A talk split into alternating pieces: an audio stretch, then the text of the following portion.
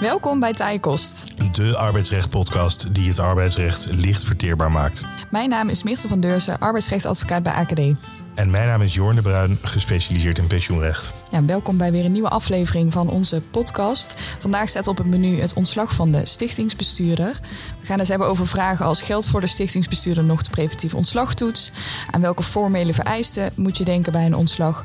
Hoe zit het bijvoorbeeld met de WNT als het gaat om een bestuurder in een publieke of een semi-publieke sector? Ja, en uh, zoals u van ons gewend bent, doen we dat niet alleen. En vandaag hebben we bereid gevonden uh, Elkje van der Kuilen, uh, die bij ons te gast is. Van harte welkom, Elkje. Dankjewel, fijn om hier te zijn. Ja, en Elkje, even voor de mensen thuis. je bent partner bij AKD en jij beschikt over een schat aan ervaring in met name de wooncorporatiesector. Maar je doet daarnaast nog heel veel meer, ook in andere aanpalende sectoren, semi-publiek allemaal. Ja. Ja, het is adviseren over ondernemingsrecht aan overheden en semi-publieke instellingen, waaronder heel veel woningcorporaties. Kortom, je bent uh, goed bekend in de publieke sector. Absoluut. Nou, hartstikke mooi. Dat kunnen we hier goed gebruiken. Um, jij bent niet uh, uh, thuis spelend in het arbeidsrecht. Nee, nee, dus in die zin ben ik een beetje een vreemde eend in, in de bijt in deze podcast. Um, ik kan één ding heel goed, namelijk dat als er iets van arbeidsrecht binnenkomt, op de forward-knop drukken. En, en, dat weten we buitengewoon te waarderen in je, dat jij die knop zo goed kan vinden. Uh, maar gaan we het vandaag hebben over het ontslag van de stichtingsbestuurder. Ja. En, en, daar zit natuurlijk ook een hele corporate dimensie aan, van ondernemingsrechtelijke dimensie. Uh, dus, uh, nou, dat verklaart waarom jij hier bent. Want op die manier kan jij ons weer aanvullen. Ja, misschien is het goed om even te beginnen met um, toe te lichten dat de statutair bestuurder in dit soort situaties doorgaans dubbele rechtsbetrekking heeft. En dat is dan een dubbele rechtsbetrekking met de rechtspersoon um, die de bestuurder bestuurt. Um, enerzijds de rechtspersoon rechtelijke rechtsbetrekking. Bij vennootschappen zoals de BV's en de NV's noemen we dat vennootschapsrechtelijke band. Maar in dit geval bijvoorbeeld bij een stichting uh, is dat een rechtspersoon rechtelijke band. die wordt beheerst door statuten, reglementen et cetera. En aan de andere kant um, zien we vaak dat bestuurders ook een arbeidsovereenkomst hebben met de stichting die ze besturen. Um, maar dat zou ook op zich een opdrachtenovereenkomst kunnen zijn. En dat is dan de contractuele band. Ja, dus we, dus we hebben eigenlijk twee dingen om rekening mee te houden. We hebben die rechtspersoon rechterlijke band als statutair bestuurder. En daarnaast die contractuele band als ja, of werknemer of opdrachtnemer. Ja, precies. Uh, wat en eigenlijk gewoon twee lijnen die je door moet knippen. Als op het moment dat ontslag aan de orde is, ja. dan zijn er twee lijnen om door te knippen. Ja, ja zo, zo, zo uh, te zeggen. Ja. Jij bent alvast vooruit aan het lopen, begrijp ik. Of nou, dat wat, niet per se. Ja. Wat, wat, zie jij het meest in, in de woningcorporatiesector? Zie je daar vooral arbeidsovereenkomsten? Ja, of ook ik zie daar, dat, wat ik ervan zie zijn arbeidsovereenkomsten.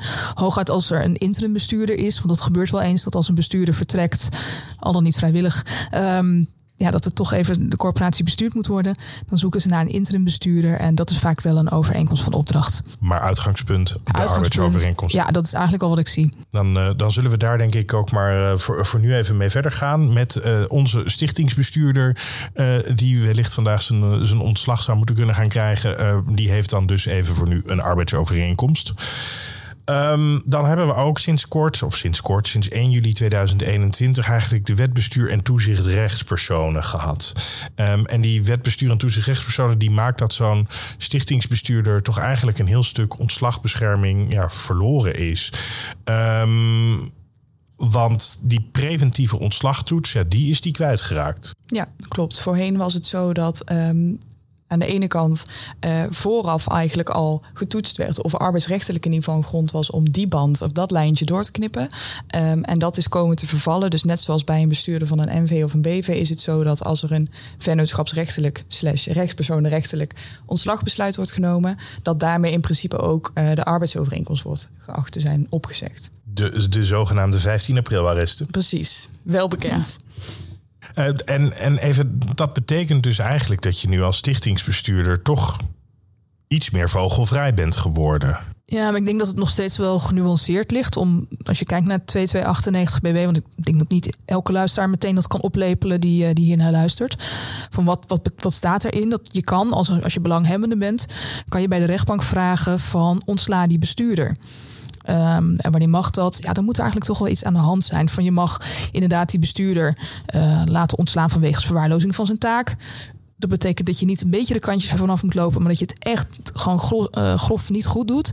Andere gewichtige redenen, ook ingrijpende wijziging van omstandigheden op grond waarvan het voortduren van het bestuurderschap gewoon in redelijkheid niet kan worden geduld. Of als een bepaald bevel van de voorzieningenrechter niet wordt gevolgd. Dus het, het is wel meer, meer ruimte. Maar ik vind het woord vogelvrij nog eigenlijk al wat te ongenuanceerd. Want het is nogal een stap. Mm. Als je als belanghebbende naar de rechtbank gaat en zegt van ik wil gewoon dat ja. uh, Pietje of Marietje stopt als bestuurder. Ja, ik moet zeggen, ik, ik zie eigenlijk heel weinig dat, dat bestuurders ontslagen worden via die weg van dat het, het belanghebbende uh, ontslag. Ja, klopt. Het is wel goed dat je dat noemt, hè, want dat is inderdaad een mogelijkheid. Dat, maar, maar ik zit even te denken, eh, wie is er dan precies belanghebbende? Bijvoorbeeld, neem een woningcorporatie waar jij in thuis bent. Wie, wie ja. kan dan, kan ik als huurder van de woningcorporatie dan zeggen, nou, deze bestuurder, daar ben ik nu wel klaar mee. Ik denk dat dat een hele lastige wordt als, ik, als je naar het belanghebbende begrip uh, kijkt. Um, kijk, als raad van commissarissen zou je dat kunnen doen, maar je hebt zelf mag je al ontslaan. Dus waarom ja. zou je dan naar de rechtbank gaan? Dat heeft helemaal geen zin. Um, Daarna kun je misschien de toezichthouder, de autoriteit woningcorporaties. Maar die zal sneller tegen de RVC zeggen: je moet die persoon ontslaan. Dat is ook een wat snellere route. Maar bijvoorbeeld de huurdersorganisatie, daar zou ik me nog iets bij kunnen indenken. Als daar echt zware gronden zijn. Als je zegt van nou, wij als organisatie vertegenwoordigen een heel aantal huurders. En wij zijn dan nog belanghebbenden. Maar ook dat, die hobbel, het is juridisch nogal een hobbel hoor, voordat je als belanghebbende wordt aangemerkt. Mm. En wat je bijvoorbeeld wel ziet, is bij stichtingen die veel subsidie krijgen. Dat zijn dan niet woningcorporaties. Maar bijvoorbeeld veel subsidie krijgen van een gemeente. Nou, die gemeente, die kan wel zo'n uh, verzoek indienen. Namelijk zeggen van ja, we geven uh, twee ton subsidie aan die stichting elk jaar. Daar zit maar alleen een bestuurder. En we zien gewoon dat het niet goed gaat. Dus rechtbank, ontsla alsjeblieft die bestuurder. Ja, dus even, dan zijn we weg bij de WOCO's. Maar ja. dan gaan we naar uh, gewoon door, door de gemeente opgerichte partijen. Ja. ja. Of nou, in ieder geval door gemeente gesubsidieerde partijen. Dat is al voldoende, die subsidierelatie. Ja, dat is al voldoende. Ja. Kijk, dat is, uh, nou, dat, dat is goed dat je dat zegt. Dan, da, en daarmee, dat is ook wel goed om even zuiver te blijven. Daarmee het 298a, dan, dan knip je daarmee de rechtspersoon een rechterlijke band ja, hoort. Ja. Uh, maar goed, ook dat zou dan waarschijnlijk tot het gevolg hebben dat je arbeidsovereenkomst ook eindigt. Uh, ja, maar dan heb ik weer de befaamde forward-knop. Hè? Ja. Dan heb je die, die, ja. die, die forward nou, dan komt er iemand bij mij of bij, ja. bij jou, Jorn. En dan um, is het natuurlijk ook wel zo, nog steeds, dat een bestuurder achteraf um, nou, hij kan niet meer om herstel van de arbeidsovereenkomst verzoeken. Maar mocht er geen sprake zijn van een voldragen ontslaggrond die we in arbeidsrecht kennen, um, dan kan natuurlijk wel om een billijke vergoeding verzocht worden. Het is niet zo dat er geen enkele toets meer kan plaatsvinden ja. op het ontslag. Maar het is geen preventieve ontslag. Ik begrijp dat ik niet meer vogelvrij zal zeggen. Ja, Mijn bestuurders zijn ja. niet vogelvrij. Nee. Maar um, ze hebben wel wat minder ontslagbescherming. Dat... Wel daar, ja. En, en ik heb eigenlijk niet in, in, in mijn praktijk gezien dat, dat bestuurders daar nou echt voor gecompenseerd werden voor dat wegvallen. Nee, Hebben klopt, jullie dat maar, gezien? Nee, maar het is toch al... Ja, wat we net eigenlijk ook wel toegelicht hebben. Het is, het is ook echt wel iets uitzonderlijks nog. Um, dus compensatie heb ik niet, niet gezien. Zij, en als je kijkt naar woningcorporaties... Um, ja, daar wordt ook wel toch echt wel naar gekeken. Van wat doe je met je geld, met je vermogen wat je krijgt door de huur die de huurders opbrengen. Dat ja, want compensatie bedoel je eigenlijk bijvoorbeeld in de vorm van een beëindigingsvergoeding of iets dergelijks. Nou, ik, ik, kan mij voorstellen van goh, die preventieve ontslagtoets verdwijnt. Dat betekent dat, dat, uh, dat de RVC of de RVT, dat hangt er maar net vanaf mm -hmm. hoe, uh, hoe die, uh, dat beestje heet in, in de desbetreffende constellatie. Ja, die kan je dan toch vrij makkelijk naar huis sturen. Mm -hmm. Um, en dan kan je achteraf inderdaad nog wel zeggen: Nou, dat had u niet mogen doen. Er was geen voldragen ontslaggrond. Uh, ik heb recht op een billijke vergoeding. Uh, maar dan zit je al wel thuis. Ja. Dus dan ben je toch wat van je bescherming verloren. Ik had me kunnen voorstellen, inderdaad, dat je dan zegt: Nou, dan wil ik eigenlijk een vervangende contractuele vergoeding. Um, en dat hebben we eigenlijk niet zien gebeuren, denk ik. Denk ik ook niet. En dat heeft ja, zeker ook te maken met de WNT, de wet normering topinkomens. Ja. Die, die legt daar natuurlijk ook aanzienlijke beperkingen op. Nou, Elke, dat, dat is jouw ervaring, uh, ja. neem ik aan ook. Daar heb je ook regelmatig mee zeker. te maken. Ja, daar, daar zijn in ieder geval uh, binnen de woningcorporaties zijn er gewoon regels over. Van inderdaad toepassing van de WNT, maar dan ook nog gewoon in de sector. Mm. Eigenlijk ook nog afgeleid daarvan nog strengere regels over wat, hoeveel je mag verdienen als bestuurder of commissaris. Ja. Want die gaan, die gaan hier binnen de woningcorporatie nog strengere ja. regels dan, ja, de, dan de, de, WNT. Al. De WNT ja, die hebben zelf. eigen, eigen uh, beroepsregels. En die, die grijpen nog dieper in. Ja, ja die, die en, zitten net iets, net iets lager. En ja. werkt dat dan op dezelfde manier? Dat als ik die regels, uh, als ik me daar niet aan, aan hou, um, is het dan van rechtswegen onverschuldigd betaald? Dus ik. ik... Um, dat vind ik niet lastig. Maar wat ik wel zie is dat de accountant toetst op de toepassing van de WNT. Dus klopt dat allemaal. Maar dat de autoriteit woningcorporaties, dus de partij die vanuit de overheid toezicht houdt op gaat het allemaal goed bij corporaties, die kijkt ook mee. Mm. En die heeft bijvoorbeeld als ze zien van uh, een bestuurder vraagt bijvoorbeeld om een andere bezoldigingsklas in de WNT. Want er wordt gekeken naar de omvang van de corporatie. En dan wordt jouw salaris bepaald. Zoals jij als, corp als bestuurder zegt, ja, maar mijn corporatie is klein, maar ik wil eigenlijk meer geld. En dat vindt dat daar goede redenen voor zijn. Dat is voor de autoriteit wel een signaal om te kijken hoe gaat dat eigenlijk bij die corporatie? Hoe gaat dat qua de governance? Uh, klopt dat wel helemaal? Waarom wil iemand nou meer geld hebben? Dus, dus daar zie ik een heel sterk mechanisme op. Uh, wat er eigenlijk voor zorgt dat ja, bijna iedereen houdt zich er gewoon aan. Oké, dus, dus in ieder geval de WNT wordt strak nageleefd. Daar wordt echt wel strak op getoetst. En, en omdat er meerdere aspecten zijn om dan uh, naar te kijken. Ja, en je kan natuurlijk ook bijna niet anders. Hè? Want als accountant ben je verplicht om een melding te maken als de WNT niet wordt nageleefd. Ja. Of als je de, die daar het vermoeden voor hebt. Uh, dan moet je de melding doen bij het ministerie van Binnenlandse Zaken. Dus nou ja, gaat al vrij snel fout dan. Klopt. Mm. En, en wat we bijvoorbeeld ook zien is bij ontslagzaken van um, vaak informeren de autoriteiten wel over ook van hey, de bestuurder die is ontslagen. En dat de autoriteit woningcorporaties ook vraagt van hebben jullie op de WNT getoetst? En zo ja, mag ik het advies even zien. Mm.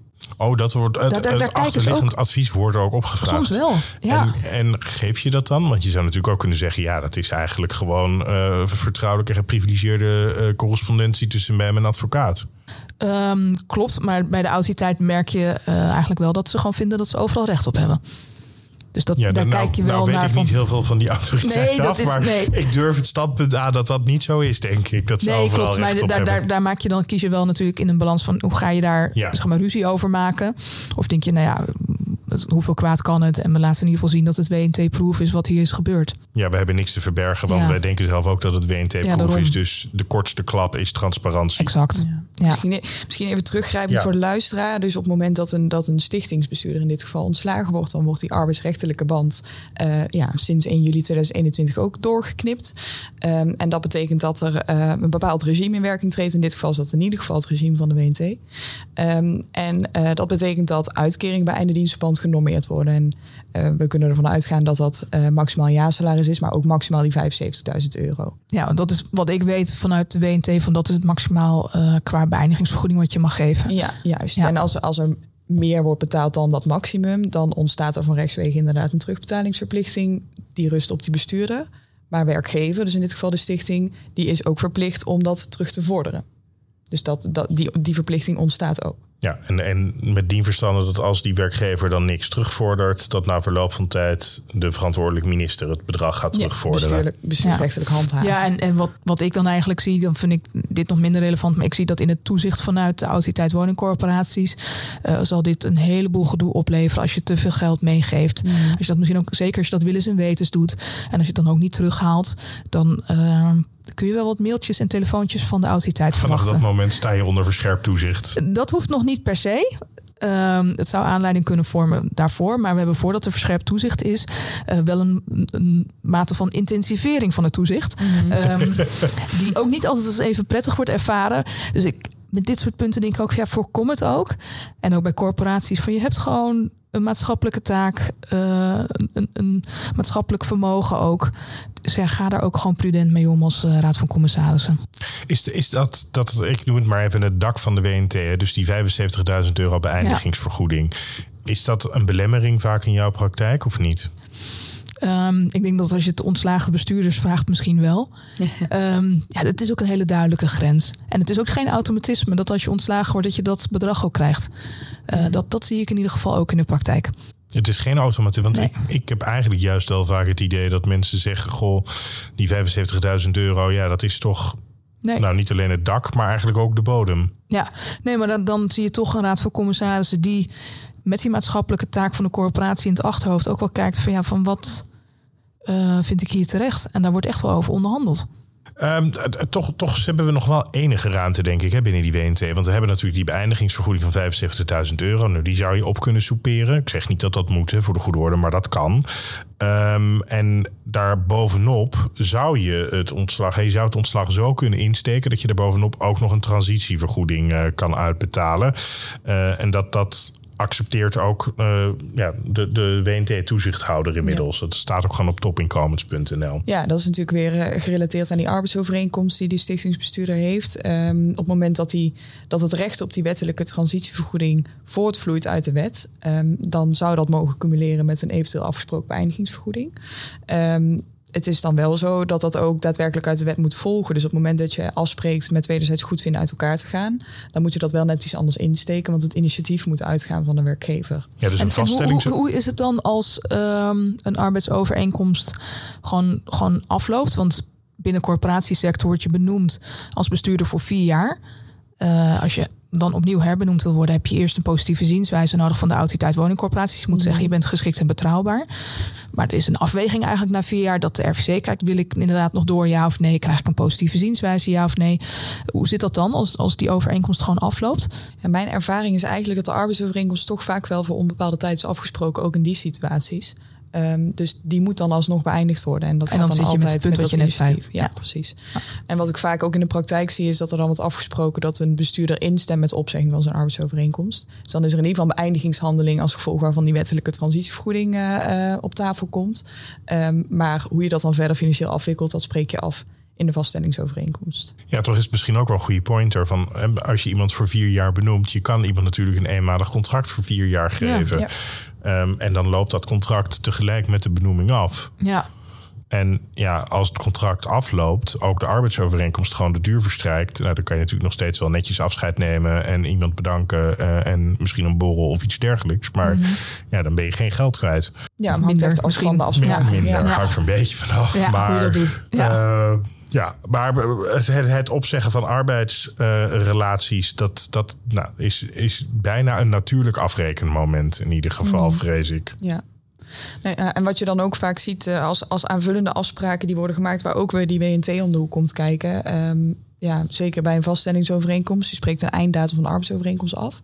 En zeker als een mot is, wil je denk ik afspreken dat de bestuurder gewoon niks meer doet binnen de, binnen de organisatie. Nee, dat is denk ik Ja. de crux ook. Hè. Er is al Ja. vrij snel een vertrouwensbreuk. Dus je wil eigenlijk die bestuurder gewoon dat hij thuis blijft zitten. Precies. Ehm, maar op het moment dat je afspreekt dat bestuurder wordt vrijgesteld van werk, arbeidsrechtelijk, dan wordt dat ook meegerekend voor de uitkering bij einde dienstverband. Dus dan ook dan moet je oppassen met je WNT-maximum. Want dat wordt meegerekend. Het is eigenlijk alleen maar anders als je echt kunt aantonen dat die non-activiteit onvrijwillig is. Ehm, maar dat is best lastig. Ja, en dan nog steeds, want als je dan toch gaat voor de weg van de vaststellingsovereenkomst, en dan, dan, dan kan de transitievergoeding dus al niet meer accumuleren met die, eh, die 75.000 euro. Eh, maar op het moment dat je die vaststellingsovereenkomst met elkaar hebt gesloten, vanaf dat moment, hè, als dan de duur van de arbeidsovereenkomst toch nog even voortduurt, ja, dan is sprake van vrijwillige non-activiteit. Ja, Althans, dat lijkt het uitgangspunt. Op basis van de eh, gemaakte afspraken, dat is gewoon zo, ja. ja. Ja. Ehm, en, en dan is ook nog wel eh, interessant natuurlijk... Hè, een, een door de rechter toegekende billijke vergoeding... zou Mhm. er ook nog bovenop kunnen komen. Hè. Dus je, je zou kunnen... eh, nou, je, je kan een vergoeding toegekend krijgen... zeggen ik ben het er niet mee eens, ik moet meer krijgen. Dus je kan dan nog naar de rechter billijke vergoeding vragen. Maar, maar dat is, ik zit nu te denken in de praktijk, ik, ik zie dat heel weinig dat er rechtszaken zijn vanuit corporatiebestuurders. En misschien ligt het er ook wel aan dat de sector is klein. Het is echt ons kent ons. Ehm, dus als jij gaat procederen tegen een corporatie omdat je meer vergoeding wil hebben, omdat je wordt ontslagen. Ja, dat doet iets aan je, in je reputatie, waardoor het moeilijker voor je wordt om een nieuwe baan te zoeken binnen de corporatiesector. Dus ik, ik vermoed dat dat ook een reden is waarom mensen niet zo snel naar de rechter stappen. ja, je ziet het een stuk minder, denk ik, ook wel dan bij BV's en MV's. Dat, Ja. dat kun je wel constateren. Eh, ja, dat, dat herken ik eh, denk ik ook wel Ja. als ik kijk naar de pensioensector. Mhm. Daar zien we dat ook allemaal niet. Nou ja, plus eh, het is ook wel zo, is mijn ervaring in ieder geval, dat een rechter ook rekening zal houden met WNT-maximum, maar ook bijvoorbeeld met een wettelijke transitievergoeding, als er zo'n billijke vergoeding eh, eh, begroot moet worden. Ja, rechter gaat er niet makkelijk doorheen. Nee. Maar misschien is het wel goed om nog heel even... want er is ook een, een vrij recente uitspraak van Hof den Bos. En dat ging over een zorginstelling. Die nam de opzegtermijn niet in acht. Ehm, en dat was een opzegtermijn die duurde best lang. ehm, zes maanden. Ehm, en ja, als je dan eigenlijk niet die, die opzegtermijn van zes maanden in acht neemt... Ja, dan heeft die werknemer dus recht dat, dat vloeit ook voort uit de wet, op een gefixeerde schadevergoeding. En die gefixeerde schadevergoeding die beliep dan in dit geval ruim 100.000 euro. Maar ja, je had ook niet zomaar dat bedrag wellicht uit kunnen keren. Ehm, al had hij bestuurder ook kunnen zeggen... Nou ja, ik zit onvrijwillig thuis. Mhm. Ehm, dus die 100.000 euro, hè, die, die wil ik gewoon wel betaald krijgen... want het is niet een vrijwillige periode van non-activiteit. Nou, hoe dan ook, Hof heeft daarvan gezegd, Hof den Bos... ehm, ja, ook deze schadevergoeding, hè, die vloeit direct voort uit de wet... en dus mag die accumuleren bovenop die 75.000 euro. Ja. Ja, daar kwam die bestuurder denk ik toch relatief goed weg. ja, het is natuurlijk ook een beetje tricky. Want dat betekent dat je als werkgever dat kunt gaan gebruiken. eh, door gewoon heel bewust schadeplichtig op te, eh, op te zeggen. Ja. En eh, zo te komen tot een hogere vergoeding. Ik weet niet of dat helemaal de Ja, bedoeling is maar wat ik net al zei over de corporatiesector, waar het zo ons is, eh, kent ons is, dan Ja. gaat dat zo rond. Mhm. Als, Ja, als maar je dit soort trucs gaat uithalen en ehm, Jij zegt eigenlijk reputatie is belangrijker dan geld. ja, ergens wel. Ik denk dat dat wel meetelt als iemand echt in, in de corporatiesector wil blijven werken. En dat zal vaak het dat geval zal zijn. vaak zo zijn. Dan- zal iemand daar echt wel op letten. Ja, nou moet ik ook zeggen dat ik wel herken ook in mijn praktijk dat ehm, zo'n bestuurder natuurlijk ook wel echt een forse drempel over moet, wil die een procedure aanhangig gaan maken. Ja. Ja. Ehm, dus ja, al- als die vindt dat hij een beetje te weinig heeft gekregen, dan kan ik me voorstellen dat hij dat toch accepteert. ja. Ehm, dat ehm, dan, hè, dan over. eh, wat ik trouwens ook wel vaak zie, is nog dat bestuurders ook graag bijvoorbeeld een borrel willen, nog of een afscheid of iets dergelijks. Dat past denk Ja, ik ook bij die gedachte zeker. dat de reputatie belangrijk is. ja, en dan toch even speeches en al dat, eh, alles erbij. Ja, en dat, dat is ook om gewoon. rekening mee te houden, ook in Ja. het kader van de WNT. Dat is wel zo. Ja, en daarnaast is dat ontslag van die bestuurder, dat, dat is natuurlijk ook wel gewoon. Ook best formalistisch. Je moet er aan allerlei oproepingstermijnen houden. eh, Ja, dat zit dan weer aan die, aan die andere kant van, eh, van die dubbele rechtsbetrekking. Ja, Eh, Ja, de, dan- de Ja, rechtspersonenlijn, inderdaad. Van, Precies. zorg ervoor dat je op tijd oproept. Dat je precies die termijn in acht neemt. Dat het goed Ja. in de agenda staat. Eh, iemand heeft vaak ook het recht om een advocaat mee te nemen. Om je te verdedigen in zo'n vergadering. Eh, er is bijvoorbeeld ook één uitspraak. Dat ging om een raad van commissarissen bij de woonplaats. Daar stond heel duidelijk in een reglement ook. En in de statuten. ehm, bij het ontslag dat de bestuurder het recht had om gehoord te worden door alle commissarissen. In de vergadering waren niet alle commissarissen aanwezig. Volgens mij één was met vakantie, de ander was ziek. En op dat formele punt eh, geeft eh, de rechter uiteindelijk wel de bestuurder die ontslagen is gelijk van hey, dat formele puntje van dat je door iedereen gehoord wordt, dat is niet in acht genomen. Dus je moet echt, en dat doe ik wel vaak voor die rechtspersonenlijn, want daar voel ik me comfortabeler bij dan op de, op de arbeidsrechtelijke lijn. Maar inderdaad, precies kijken van wat staat in de statuten en reglementen, welke termijnen moet je in acht nemen. Eigenlijk een soort spoorboekje maken, dat je precies doorheen loopt. En wat daarbij ook nog wel speelt, is bij corporaties ook de afweging wanneer informeer ik de autoriteit woningcorporaties? Want je bent als raad van commissarissen verplicht om bij een onoverbrugbaar geschil eh, met de bestuurder moet je de autoriteit informeren. Maar ja, wanneer is het onoverbrugbaar? Dat is natuurlijk zo'n lekkere juridische term waar we over kunnen discussiëren. En de autoriteit zegt dat eh, als je in onderhandeling bent over een vaststellingsovereenkomst, dan vinden ze al dat je dat moet melden. Bij die autoriteit. Bij die autoriteit. Terwijl ik denk, als je gewoon aan het onderhandelen bent, is er nog niet sprake van een onoverbrugbaar geschil. Want je bent aan het toewerken naar een vaststellingsovereenkomst. En dan is het dus een overbrugbaar geschil. En je wil misschien ook wel juist dat je als woningcorporatie en als bestuurder, eh, of meer in het algemeen als rechtspersoon als bestuurder, dat je gewoon op een nette manier voor de buitenwereld Klopt. afscheid neemt, zonder dat mensen daar weet van hebben. Nou, ook en, en de autoriteit van kijk, als er echt ruzie in de tent is, dan moeten ze dat weten. Maar als, ja, er zijn meerdere redenen om te zeggen, we willen niet meer met jou verder. Eh, als je dat gewoon in goede orde met elkaar kan afspreken, dan is het heel fijn als je alleen als RVC en de bestuurder eh, dat moet doen. Als je de autoriteit informeert, dan willen ze ook betrokken zijn. Eh, en dat maakt het extra complex. Je krijgt eigenlijk een extra partij die ook ja, nog die ook aan tafel zit en die ook meekijkt. Over, over extra partijen gesproken, je hebt natuurlijk ook nog een ondernemingsraad. Ja, die is- die, eh, Ja, die is ook heel wezenlijk, dat je die niet vergeet. Nee. ja, dus wat dat betreft, hè, het is toch intern moet je met je, je, je, je toezichthoudend orgaan op één Ja. lijn zitten. Ja, Ehm, dan heb je de bestuurder om mee te onderhandelen. Eh, dan is er een ondernemingsraad. Dan kan er een toezichthouder zijn Ja. die zich nog bemoeit. Eh, dan luistert het allemaal ook buitengewoon nauw. Dat, dat Klopt. illustreert jouw voorbeeld ja. wel. Ja, nou ja, daarom dus dat, dat spoorboekje ook. En dat je daarin ook zet van nou, wanneer ga ik naar de OR? Ehm, ga ik de huurdersorganisatie nog informeren, ja of nee? Of wanneer doe ik dat dan? Eh, wanneer informeer ik de autoriteit? En hoe doe ik dat dan? Ja, als je dat gewoon overzichtelijk hebt, dan is het een kwestie van af, wegstrepen van de stappen die je gezet hebt. Want er kan zoiets misgaan. Ja, maar dat klinkt wel op zich als, eh, eh, nou, als, als een mijnenveld. Juridisch interessant heet dat. Juridisch uitdagen. ja, ja, ja dan, dat is ons werk natuurlijk. Hè? Maar, maar Ja. is dat een van, een van de praktische tips die je mee zou geven aan de luisteraars? Van goh, Ja. zet alles van tevoren op een rijtje. Ja, als je, als je dat traject ingaat, inderdaad, maak zo'n spoorboekje voor jezelf. eh, met al die formele vereisten. En soms kan een voorzitter van de Raad van Commissarissen misschien wel naar jou kijken en zeggen van wat een gedoe. Ehm, maar het komt ontzettend nauw. En dat, Ja. dat geven we ze ook eigenlijk altijd mee. En misschien vanuit arbeidsrechtelijk perspectief denk ik dat het goed is om na te denken... wat spreekt nou af in de contracten met, met mijn stichtingsbestuurders. Juist ook vanwege het wegvallen van die ontslagbescherming. Ehm natuurlijk, een aantal zaken volgt uit de wet... maar je kunt wel afspreken hoe gaan we om met de cumulatie van die vergoedingen. En dat heeft natuurlijk wel een bepaalde eh, eh, kracht... als dat afgesproken is tussen partijen op voorhand. Ja, want ik denk dat er dan een kenbare, een duidelijke kenbare bedoeling in ieder geval is. Ja, nou ja. Dus eh, eh, wat, wat ik zelf meestal doe, en ik weet niet of jullie dat herkennen, hè, dat is op een gegeven moment toch maar die vergadering, eh, die wil je gaan uitschrijven. Want anders Ja. gaat iemand zich ziek melden. Ja, En als mensen zich ziek melden, dan geldt er een opzegverbod. Dus dan gaan we ze niet meer ontslaan. nee. Althans, dan kunnen we ze nog wel ontslaan als statutair bestuurder. Maar daarna duurt die arbeidsovereenkomst Voort, voort, ja. totdat ze weer beter zijn. Ehm, dus je wil ze oproepen. En dan pas kan je eigenlijk de boodschap brengen. We, we willen afscheid nemen. Ehm, maar ja, dan heb je dus ook al een uitnodiging gestuurd voor die vergadering. Dus je hebt eigenlijk een relatief korte periode waarin die onderhandelingen dan moeten Ja, het plaatsvinden. Hè? Ja. Minimaal acht dagen, soms twee weken Ja. ja, dat, dat is wel. Daarmee zet je ook druk. ja, kan in je voor- en in je nadeel werken, denk ik. Het, het, het, het, het fijne is natuurlijk wel, je hebt ook een duidelijk eindpunt. Ja, ja. Nou, heb- hebben we nog iets overgeslagen? Missen we nog iets? Volgens mij zijn we wel eh, aardig compleet zo. ja mooie praktische Het is vooral te hopen dat in de praktijk dat, dat de luisteraars hier niet te vaak mee te maken krijgen. Want in die zin is denk ik zo'n situatie is voor niemand prettig. Dat we gewoon in goede harmonie afscheid van elkaar nemen.